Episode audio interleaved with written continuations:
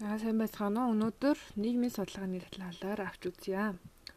Нийгмийн судалгаа гэдэг нь ерөнхийдөө хүн ингээд байнга өөр өөртөө асуулт тавьж энэ яагаад ямар учраас ийм болсон юм бол гэх мэтэр сонирхон одоо ямар нэгэн зүйлд ханддаг.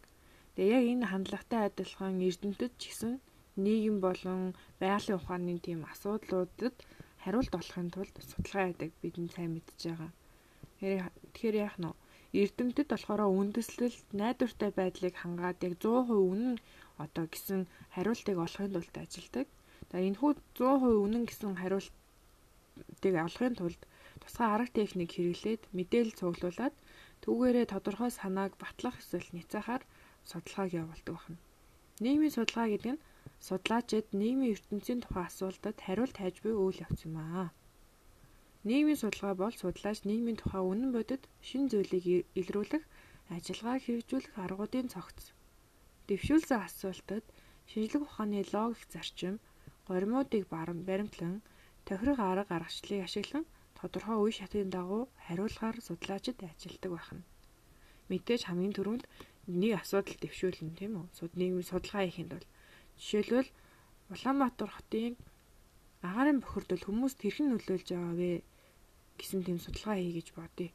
Тэгээ энэ дэвшүүлж байгаа асуудал нь бол Улаанбаатар хотын агаарын бохирдол хүмүүст хэрхэн нөлөөлж байгаа тухай энэ дэвшүүлж байгаа асуулт нь. Энэ дэвшүүлж байгаа асуултад шинжлэх ухааны логик зарчмыг зарчим гормуудыг баримтлана. Тэ логикийн аргаа сонгоно. За тэгээд арга аргачлалаа ашиглана. Ямар судалгаа байх вэ? За тэгээд тодорхой үе шатын дагуу хариу одоо энэ нөгөө асуултад хариулахаар судлаачид ажилладаг байна. За судлаач судалгааг зохион байгуулах төлөвлөх, асуулт бүр тохирсон мэдээлэл цуглуулах, шинжлэх арга техникийг сонгох зэрэг олон чадварын эзэмшсэний үр дүнд амжилтаа явуулж чадна. Тэгэхээр судалгаа гэдэг нь зөвхөн нэг үе шаттай зүйл биш. Олон үе шаттай зүйл ахна. За судлагдаж буй субъект нь хүн тул ёс зүйн хэм хэмжээг баримтлахын хамт хүндэтгэлтэй ухаалаг харилцаж байж тэдний итгэлийг төрүүлэн тэднээс үнцэнтэй мэдээллийг авч чадсны үндсээр судалгааг явуулдаг онцлогтой. Ерөнхийдөө байгалийн ухааны судалгаагаас нийгмийн ухааны судалгаа нь хүнтэй харилцдаг учраас ёс зүйн өндөр хэм хэмжээг баримталж явах хэрэгтэй. Байнга. Тэг хүндэтгэлтэй ухаалаг харилцаж иж нөгөө талаас хүмүүс мэдээлэл өгнө гэсэн. За ингээд судалгаа хэрхэн явагд нийгмийн ухааны судалгаа хэрхэн явагддаг талаар бас ингээд онлын хандлагууд байдаг. Бидний сайн нөө бүтцийг үүрэг марксизм бэлэг тэмдэг харилцан үйлдвэрийн онол гэдэг онлын хандлагууд нийгмийн судалгаа хэрхэн явагдах ёстой юм бэ гэдгийг дээр бас онлын хандлага дэвшүүлсэн байдаг. За үүнээс өмнө логикийн судалгааны логикийн аргуудыг эхлээд сонгох ёстой. Асуултаа дэвшүүлсэн байгаа. Одоо логикийн аргуудаа сонгох ёстой. За энэ логикийн аргуудаас одоо ургуулад судалгааны талаарх энэ онлууд юу гэж үзсэн бэ гэдгийг одоо ургуулсан авч үзнэ. За эхлээд логикийн арга гэдэг маань өөрөө тухайн судалгааны одоо ерөнхий үйл явц ямархуу байх вэ, үе шатууд ямархуу байх вэ гэдгийг сонгоно гэсэн үг. За логикийн аргыг хоёр ангилдаг. Дедукцийн арга, индукцийн арга. За дедукцийн арга гэдэг маань ерөнхий дүгнэлт буюу онлын санааг нэгжид буулган дүгнэлтэд хүрэх арга. Тэгэхээр ерөнхийг салгаж нэгжид буулгах.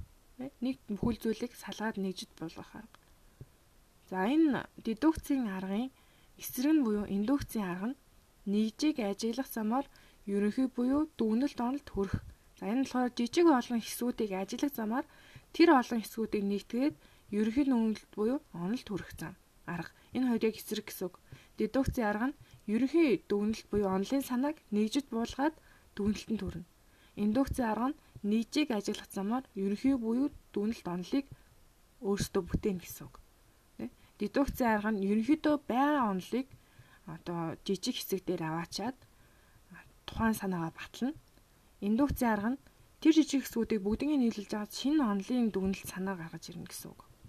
За энэ логикийн аргууд нь бүгдээрээ одоо өөр өөрсдийн гэсэн үе шаттай. Дедукцийн аргын үе шат нь эхнийх нь онлоос асуулт гаргана. Нэг тодорхой нэг онолыг барьж авна. Жишээлбэл бүтэц чиг үүргийн хандлах ч юм уу тий. За хоёрдугаарт нь Тэр онлоос онлоо барьж авчаад эхнийх нь онлоос асуулт гаргацсан тийм ээ.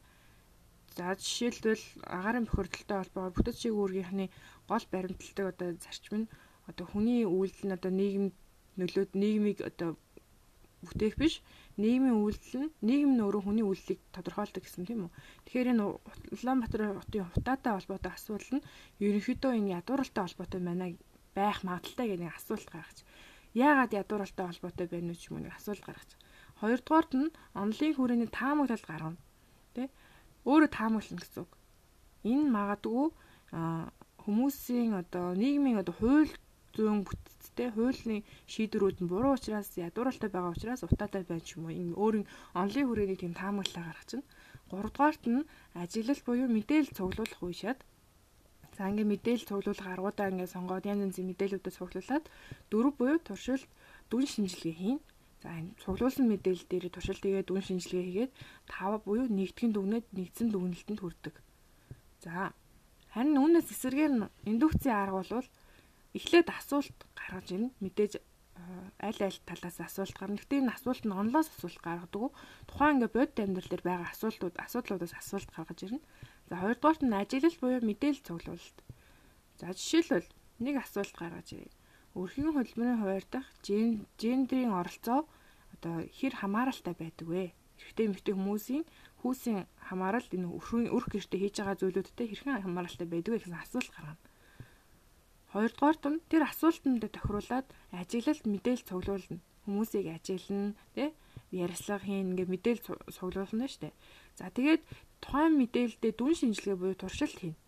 За тэгээд тухайн мэдээллийг нэгтгэн дүгнээд за энэ дүнсэн мэдээллээсээ шинэ онол буюу үдэл санааг дүгнэлтийг гаргаж ирдгээрээ дедукц яргаасаа ялгаатай хань. Дедукц нь болохоор таамаглалаа асуултаа гаргаад таамаглалаа төшүүлээд тэр таамаглалаа туршаад тэгээд нэгтгэн дүгнэжсэн бол индукцийн арга нь асуултаа гаргаад ажиглал тэр асуултынхаа дагуу мэдээлэл ажилт одоо цуглуулад яагаад дүгнээд тэр дүгнэлтээсээ өөрөө шинэ онол гаргаж байгаа. За ийм хоёр ялгаатай. За яагаад энэ логикийн аргуудыг эхлээд ярьсан бэ гэвэл энэ онлын хандлагууд дээр энэ логикийн аргуудыг тодорхой дурдсан байдаг. За нийгмийн судалгааг хэрхэн явагддаг талаар онлын хандлагууд бас өөр өөр ингэсэн байр суурьтай байна.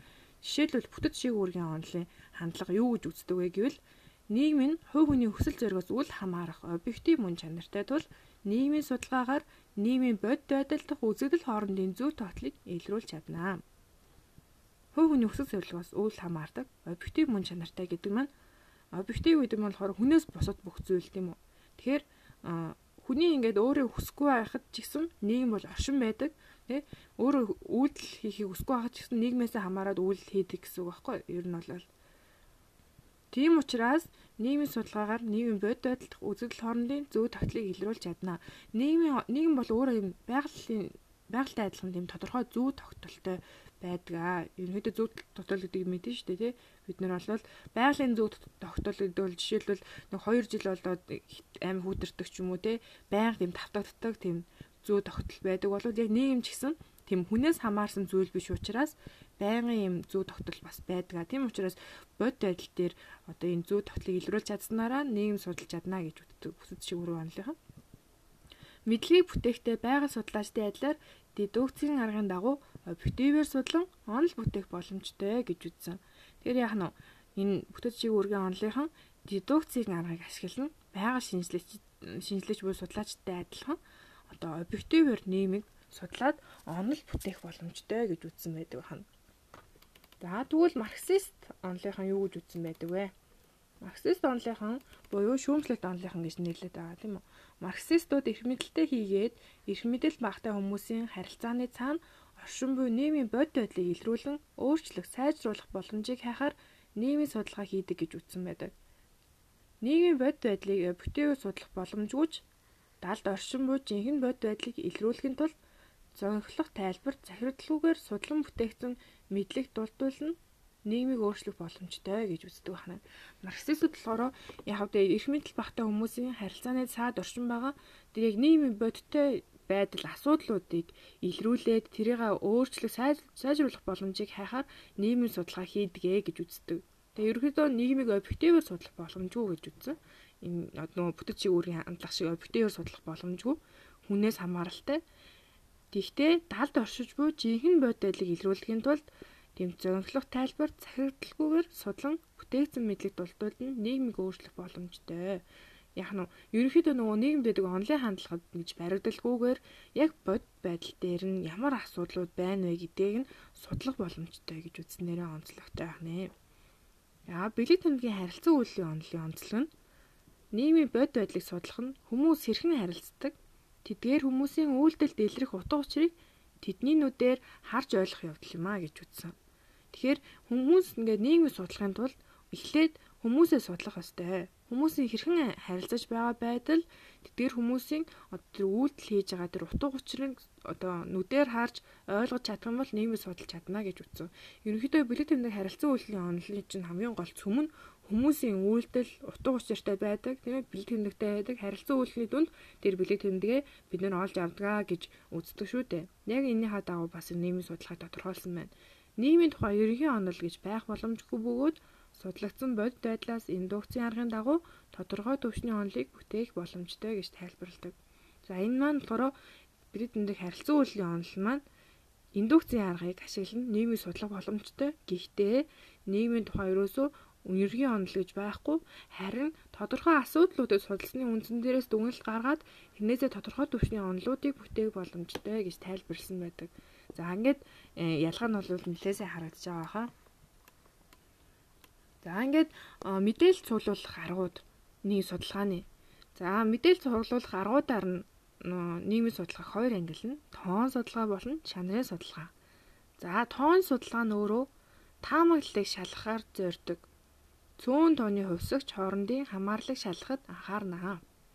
Химжилтийг мэдээлэл цуглуулахаас өмнө хийж авах мэдээлэлээ стандартчилдаг. Тэ бүх ингээд ийм ийм мэдээлэл авна гэдгээ бүр стандартлаад яг татуу тогтоодог. Тэрний ха дагуул явдаг тэрнээс өөрчлөгдөх боломжгүй.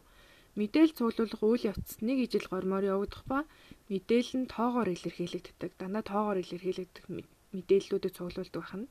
За математик, статистикийн аргуудаар шинжилгээхийн таамаглалыг батлах эсвэл няцааж байгаа хэсэгт анхаарлаа хандуулна. Стандартчлагдсан загварын дагуу үр дүнг нэгтгэн бичнэ. За ингээд уусаа мэдээлэлээ тоогоор цуглуулж байгаа юм чинь тэр мэдээллийг математик статистикийн аргуудаар шинжилгээ хийн оо таамаглалд батлагдж байгаа эсвэл батлагдахгүй байгаа няцаагдж байгаа гэдгийг тодорхойлдог байна. За яг стандартчлагдсан хатуу тогтсон тийм загварын дагуу үр дүнг бичиж дүгнэлтэд бичдэг байх нэ. За ингээд тоон судалгаа нь өөрөө энэ логикийн аргуудаас дедукцийн аргыг аргын дагуу тоон судалгааг сонгож хийдэг байх нь. За чанарын судалгаа нь тоон судалгаанаас ялгаатай. Аа ерөнхийдөө бол тоогоор мэдээллийг цуглуулах гэхээсээ илүүтэйгээр мэдээллийг э, одоо тухайн хүнээс авахыг хэлэх зорддог. Хүний яриа, үйлдэл те тэр зүйлүүдээс авахыг зорддог. За мэдээллийн утгыг ойлгох, дүрслэн харуулахаар зорино. Судлаачдын яриа үйлдэлээс хамаарсан олон тооны хувьсгч байдаг. Химжилт нь мэдээлэл цуглуулах явцад дараа нь хийгдэнэ Мэдээл цуглуулах үйл явц харилцан адилгүй явагдана. Мэдээлэл нь баримтчиг, ажиглагдсан зан үйл, үг яриа байдаг. Задгаа мэдээллээс ерөнхий сэдв түүний нотлохоог олж авахд дүн шинжилгээ чиглэнэ. Стандартчлагдсан загварын дагуу үр дүн бичих албагүй. За энэ стандартчлагдсан загварын дагуу үр дүн бичнэ гэдэг маань за эхлээд дүгнэлт хэсэг дээр одоо тоо мэдээлэл байна. Дараад нь тоо мэдээлэлээ тайлбарласан байна. Тэрний дараа нь тоо мэдээллийнхаа одоо жижиг жижиг хэсгүүдийн хүмүүний юм стандартчлагдсан загварууд байдаг. Энэ стандартчлагдсан загваруудын дагуу бичих шаардлагагүй. Чанарын судалгаа нь харин э, өгүүлэлт юм уу нөгөө нэг уран зохиолын тийм э, эсэ шиг бичиж бас болдог үр дүнгээ. Тэгээ чанарын судалгаа нь ерөөсө таамаглал дэвшүүлдэггүйгээрээ одоо онцлогтой. Ерөөсө тухайн асуудалд ингэсэн байж магадгүй гэсэн судлаачийн таамаглал огт хамаагүй зүгээр бод байдалтай мэдээллүүдийн бүтээн нэгтгэдэг. Тоон судалгаа нь харин таамаглал дэвшүүлээд тэрийг шалгадаг үнэхээр шалгадаа зөв байна уу эсвэл буруу байна уу няцааж уу гэдгийг л шалгах зорилготой судалгаа авах нь шүү дээ. Жишээлбэл одоо хүн амын одоо орон сууц хүн амын нийтийн тодлого сая 2020 онд болсон тийм үү? Тэр судалгаан дээр Монгол хідэн эрэгтэй хүн байна, хідэн эмэгтэй хүн байна гэдэг одоо тоо мэдээллээр гарч ирж байгаа судалгаа бол тоон судалгаа. Харин одоо сүүлийн үед бас хийгдэж байгаа одоо гендрийн талаар ч юм уу эсвэл хүмүүсийн одоо гендрийн талаар хөгжил баримтлал гэдэг ингээд дандаа ярьцлагаар ингээд судалгаагаа авсан байдал тий тэрийг нэгтгээд ингээд үр дүнг харуулж байгаа байдал бол яг нь чанарын судалгаа ахна шүү дээ. За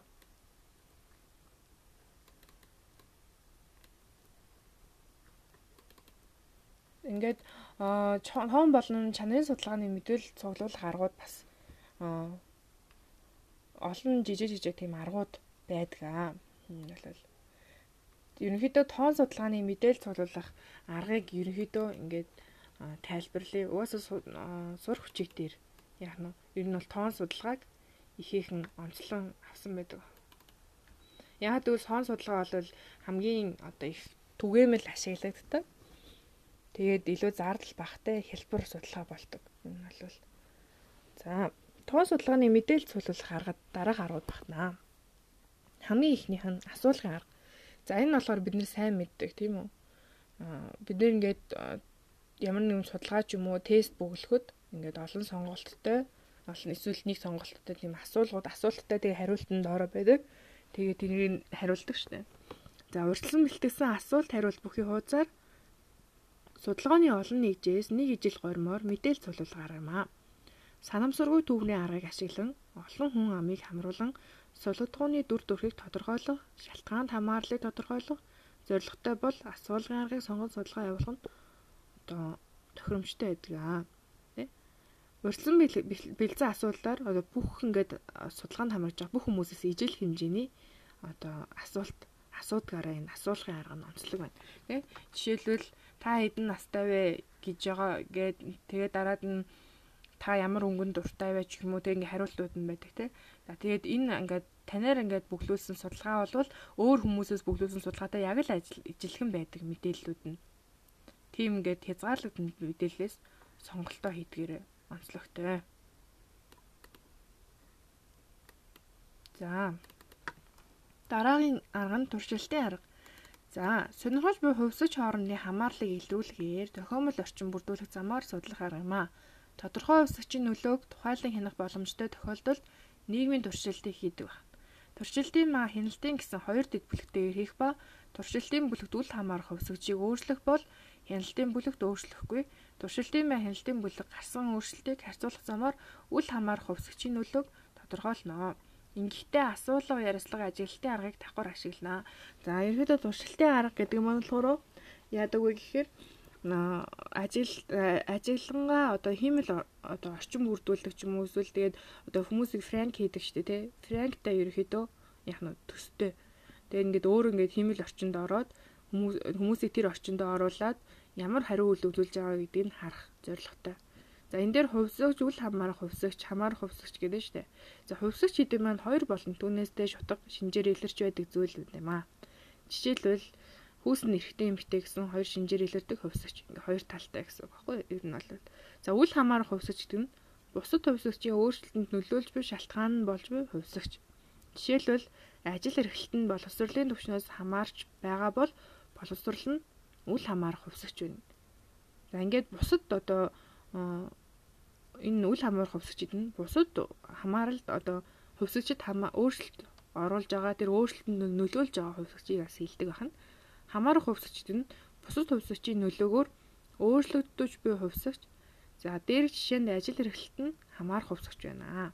За ингээд туршилтын тодорхойлолтыг харуул туршилтын ма хяналтын гэсэн хоёр дэд бүлэгтэйгээр туршилтыг хийдэг ба туршилтын бүлэгт үл хамаарах хувьсгчийг өөрчлөх бол за энэ үл хамаарах хувьсгч бол нөгөө нэг тухайн одоо ямар нэгэн асуудалд нөлөө үзүүлж байгаа хувьсгч тийм үү нөлөө үзүүлж байгаа хувьсгчийг өөрчлөх бол хяналтын бүлэгт тэр үл хамаарах хувьсгчийг хувьсгчийг ерөөсөө өөрчлөлтгүй. Тэгээ хамгийн гол энэ туршилтан дээр нь болохоор хяналтын бүлэг нь гарсан өөрчлөлтийг харьцуулах замаар үл хамаарах хувьсгчийн нөлөөг тодорхойлно. За жишээлбэл гуйлга гуйдаг ингээд хүмүүст хандах ингээд хандлагыг ингээд судлаа гэж бод. За тэгээд ихтэй ингээд ямар таамаглал төвшүүлж байгаа гэвэл за ингээд гуйлга гуйдаг хүмүүст ингээд муухай хандж байгаа хүмүүс ерөөхдөө тэр хүмүүс хүний өмсөн хувцс маш их нөлөөлнө гэсэн тийм таамаглал төвшүүлээ л та. Тухайн таамаглалынхаа дагуу ингээд шалгахад энэ үл хамаарах хувьсгч буюу тухайн ингээд хүмүүнд ингээд муухай хандах хандлагт нь нөлөөлж байгаа зүйл нь хувцс юм байна гэдэг юм таамаг хөвшүүлж үл хамаарах хувьсгч нь муухай хувцс те. За ингээд муухай хувцс өмсөд ингээд туршилт хийхэд хүмүүс бас муухай хандчихвэл за ингээд энэ туршилт бол батлаглаа гэж.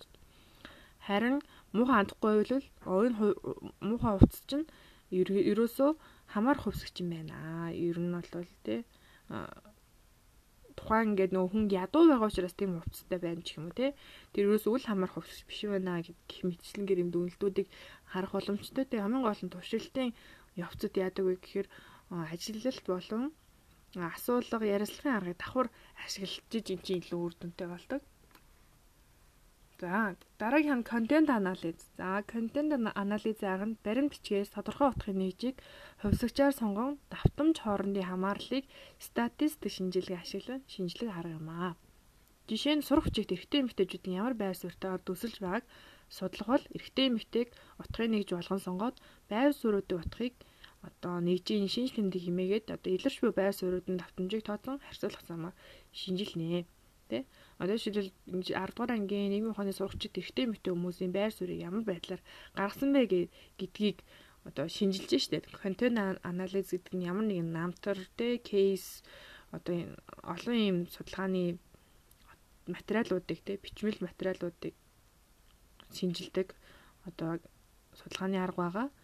За ингээд эрэгтэй эмэгтэй хүмүүсийн байр суурийг судлахын тулд тухайн сурах хүчийг дээр эрэгтэй эмэгтэй хүмүүсийг хүмүүсийг одоо дүрсэлсэн, үзүүлсэн жишээ, тохиолдол, зураг, мураг хэд байна вэ гэдгийг ингээд ингээд тоолоод явчихна шүү дээ. Тэгэд ингээд хамгийн гол нь давтамжийг харах нь шүү дээ. Хэр ойрхон давтамжтай, эсвэл хэр хол давтамжтай гэдгээрээ ерөнхийд дүгнэлтээ хийх нь шүү дээ.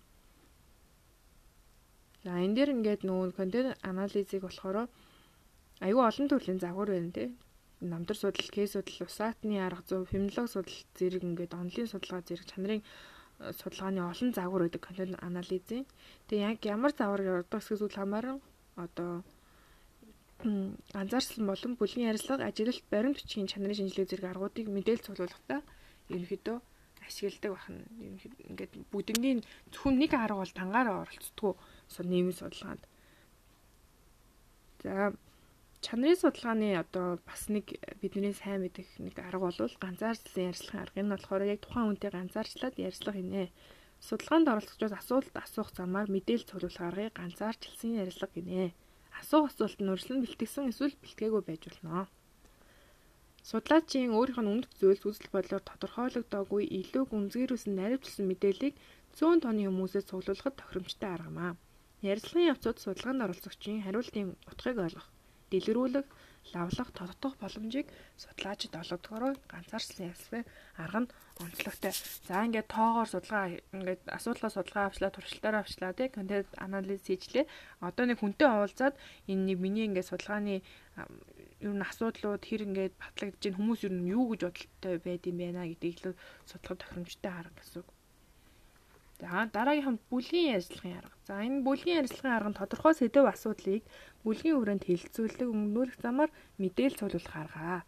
За ганцаарчлан ярилцлагын арга мэдээж ганцаараа тэр судлаачтай ярилцсан тийм үү. Бүлгийн ярилцлагын арга нь болохоор олон хүмүүс нийлээд бүлгээр нь ярилцуул багаар нь ярилцуулахтай адилхан. За энэ арга нь тодорхой асуудлын талаарх санал бодол, тэдний үүсэл бодлын маргаан зөрчил, нийтлэл нийтлэл зэргийг тодруулах боломжийг олгодог бөгөөд бүлгийн ярилцлагын хөвчлэн 5-аас 8 оролцох ч явагддаг байна. Цүнэг хүний үзэл бодол биш олон хүний үзэл бодол. За тэгээд тухайн хүмүүсийн зуршил маргаан тий хоорондоо ингээд үзэл бодол нь маргаж байгаа байдал тий эсвэл шийдэл төрж байгаа байдлыг нь тодорхойлж авч авдаг байна. За ажиглалтын арга нь судалгаанд оролцогчийн зан үйл үйлдэл зан төлөв үг яриа хөдөлгөөн зэрэг талаар тэмдэглэл хөтлөх замаар мэдээлэл цуглуулах арга юм аа. Судалгаанд оролцогчдын дунд нь амьдарч ажиллах замаар мэдээлэл цуглуулахыг дотроос нь ажиллах гин харин судлаачдын үүднээс ажиглахыг хүндлэнгийн ажиллах гинэ.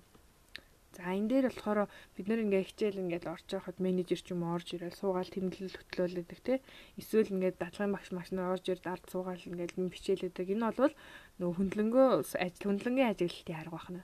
Харин хин нэг нь одоо та нарын дунд сурагчийн одоо хувцамсууж юм ингээд жоон хөөхтэй цайтай гар сурагчийн дунд ингээд ороод адилхан сураад явж байгаа та нарыг ажиглаж байгаа байд нь болохоор яах нь судалгаанд оролцохын дунд ингээд амьдарч цуглуулах ажиллах замаар мэдээлэл цуглуулсан дотроос нь ажиллаж байгаа байдлыг хэлж байгаа гэсэн үг.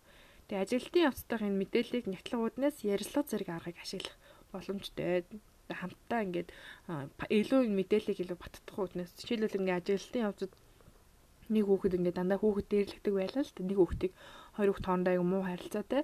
Тэгээд даад нь ганцаарчлан ярилцлага хийгээд яагаад ингээд нэг нэгтэй муу харилцдаг талаар ч юм уу те илүү тодорхой ингээд мэдхийн тулд ярил ганцаарсны ярилцлагын аргыг бас ингэж давхар ашиглаж ивэл их үр дүнтэй байдаг анхны.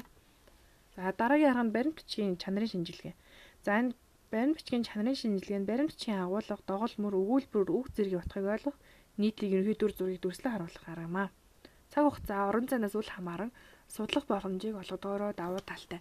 За энэ баримт бичгийн анализын арга, контент анализын арга гэдэг нь болохоор яах нь гэхээр баримт бичгийн анализын арга тухайн ингээ баримт бичид байгаа агуулга, үг, тэ доголмор, өгүүлбэр, үг зэргийн тэр утгыг нь ойлгох тэ нийтлэг ерөнхий дүр зураг гаргах. Тэрийг дүрслэх ч юм уу тэ. Тийм одоо зүйлд шиглсэн байдаг бол контент анализын арга нь болохоор яах нь тодорхой нэг одоо зүйлийг аваад тодорхой нэг эргэтэй ч юм эмгтэй ч юм нэг ойлголтыг аваад тэр ойлголтынхоо дагуу л одоо анализ хийдэг тий Баримт бичиг судлалын чанарын шинжилгээ нь болохоор яадаг вэ гэхээр тухайн ингээд нэг номжил насаг доржийн одоо харанхуй хаад гэдэг нэг зохиол байлаа гэж бодоход тэр зохиолын ингээд нэрнээс нь нэсвүүлээд за тэр ингээд зохиол дээр ямар үйл явдал гарч ийн үгийг яаж сонгосон байх ч юм уу те бүр ингээд нарийн шинжилгээ хийдэг чанарын арга байх нэ. За ингээд иймэрхүү төрлийн судалгааны нийгмийн судалгааны аргууд байдаг. За тэгээд 10 дугаар ангийн нийгмийн нийгмийн сургачийн 19 дугаар хуудаснаас эхлээд энэ нийгмийн судалгааг унших боломжтой. Тэгээд илүү дэлгэрүүлээд уншаарай. За баярлалаа.